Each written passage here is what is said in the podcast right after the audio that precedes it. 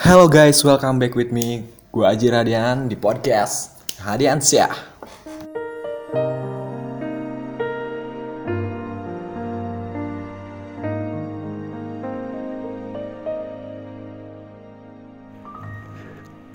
Hore, huhuy, akhirnya ada di Spotify. Jadi buat kalian yang mau dengerin lebih gampang dan lebih menghemat kuota pastinya, karena dulu adanya cuma di YouTube sama di SoundCloud. Dan ya sementara itu SoundCloud banyak yang sedikit lah penggunanya ya. Gue bisa jadi banyak yang nggak paham cara dengerin di SoundCloud juga. Dan akhirnya gue tahu gimana caranya ngelink dari SoundCloud ke Spotify. Jadi kalian bisa dengerin secara gampang juga gitu. Semoga ini menjadi sebuah akses juga lah biar kalian lebih gampang juga oke okay, dengerinnya dan makin banyak yang dengerin podcast gue ya meskipun awalnya ini cuman buat dari gue ya tapi siapa tahu juga kalau emang bisa membantu juga. Dan ya hello. Kali ini gue mau ngebahas topik soal hobi dan privacy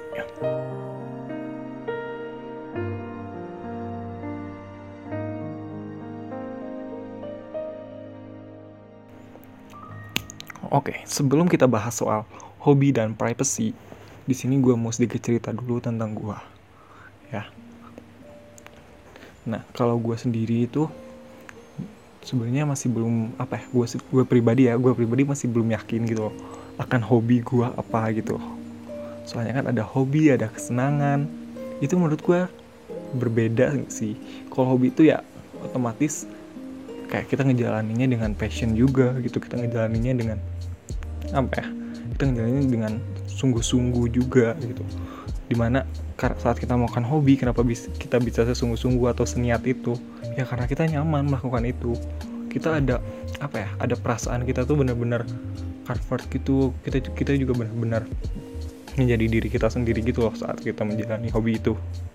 Dan ya kesenangan pun menurut aku tuh tuh kayak kayak sesaat gitu nggak sih saat kita ya kesenangan aja gitu. Kayak seneng jalan-jalan ya udah gitu. Tapi di saat tiap bulan harus jalan-jalan terus ya capek gitu. Nah itu mungkin menurut gue sih itu bukan hobi ya. Kayak hobi ya kalau emang hobinya traveling ya gak akan pernah ngeluh akan capeknya itu. Malah capeknya itu itu adalah buahnya dari sebuah hobinya itu. Malah kesenangannya itu dicapainya gitu loh. Dipusingnya diribetnya kayak gitu sih. Nah balik lagi.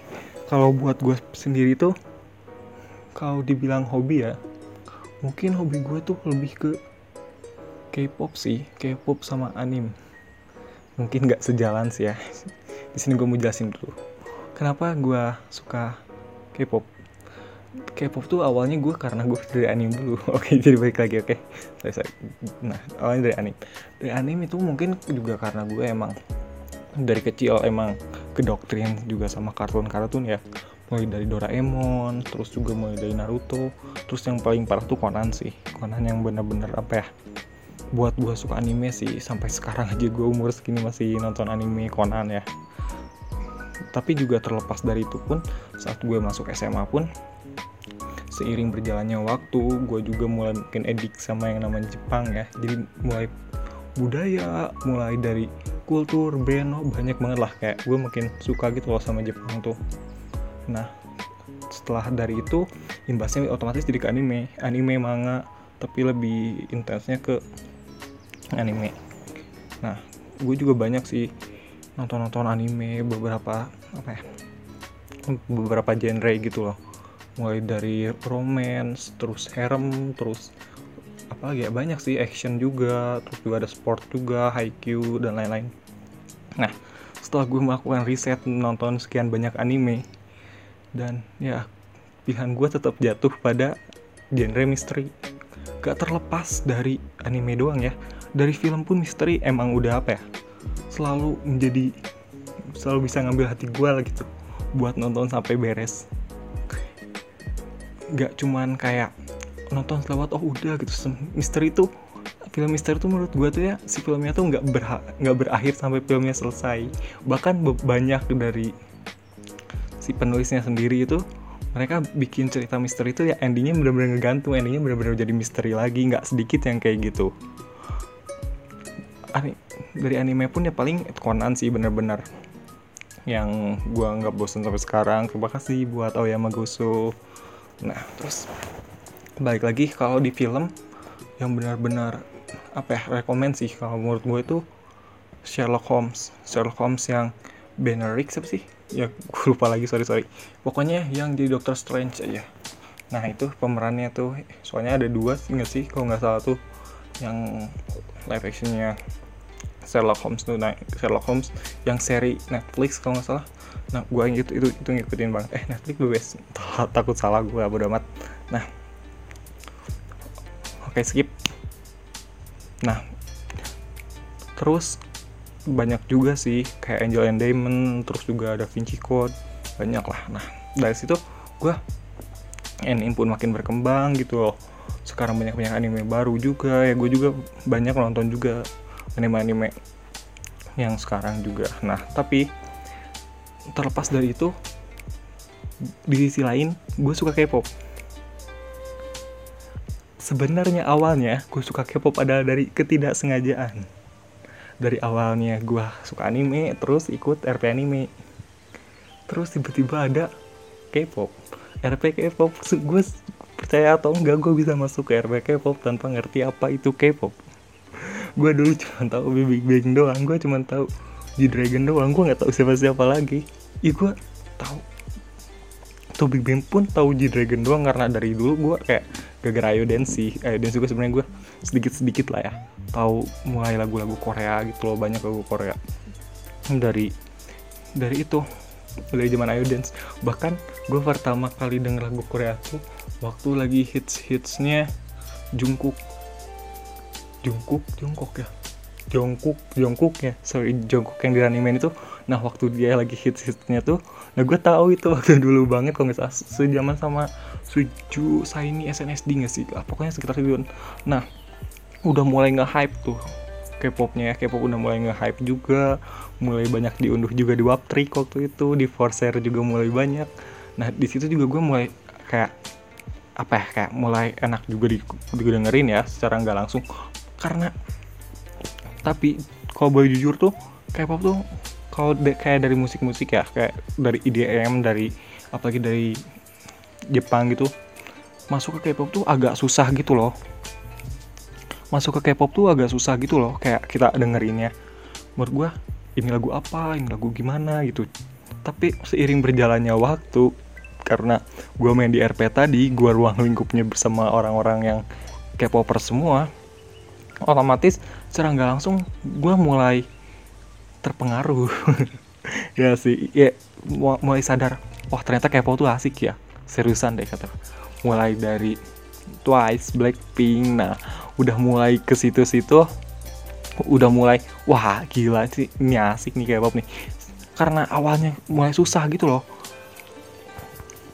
Ya karena menurut gue tuh awal-awal tuh K-pop tuh emang kemasuk susah gitu loh. Kayak buat didengerin tuh sorry ya kalau ada yang kesinggung tapi buat buat gue pribadi tuh agak susah gitu. Tapi tapi tapi tapi saat lu udah mulai ngerasa nyaman dan lu udah mulai ngerti oh kayak gini gitu si genrenya tuh. Dan ya lu bener-bener bisa nikmatin sih menurut gue dan ini tuh gokil banget gitu loh kayak wah gila lagunya asik ini ya. Beatnya juga enak terus juga apalagi udah lu udah tahu lagu K-pop tuh udah nyebar aja lah pokoknya. Mulai ke idolnya, mulai ke agensinya, terus juga mulai ke membernya siapa-siapa aja, terus juga agensinya ada siapa aja, wah itu seru loh. Apalagi gue di RP ya, gue juga kayak tahu banyak lah jadinya secara nggak langsung dari soal perkepopan itu sendiri.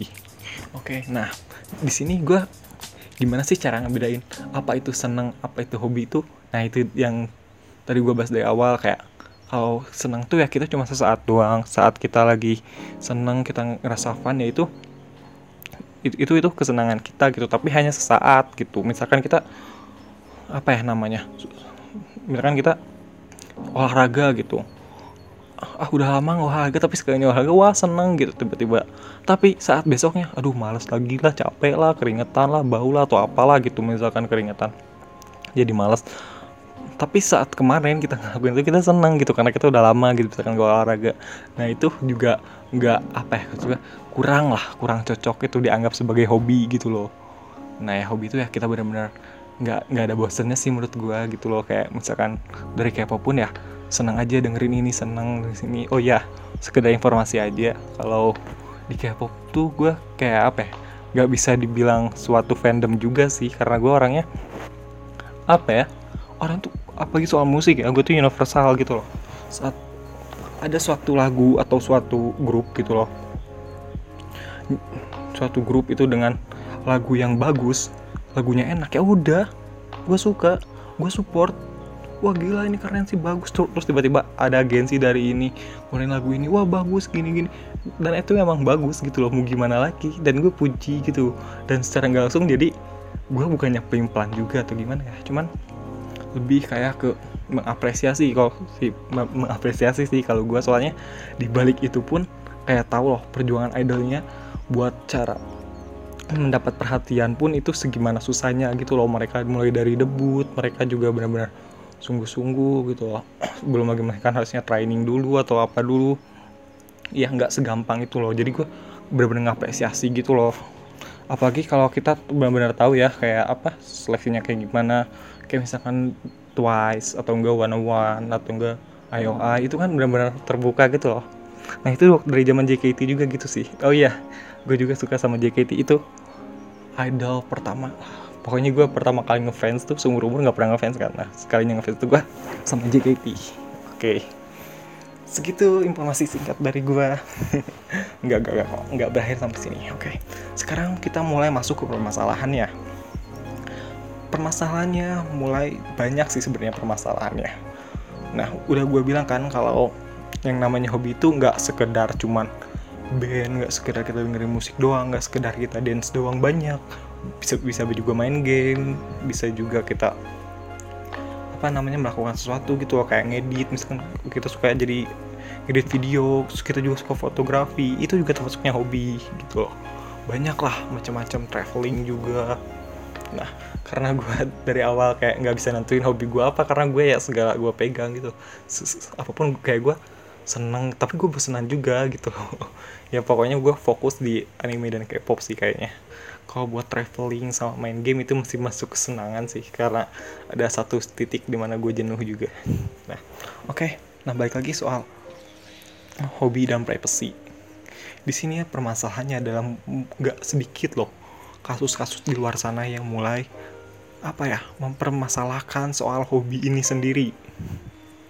Ya dari soal kasus yang kemarin aja yang soal PUBG haram.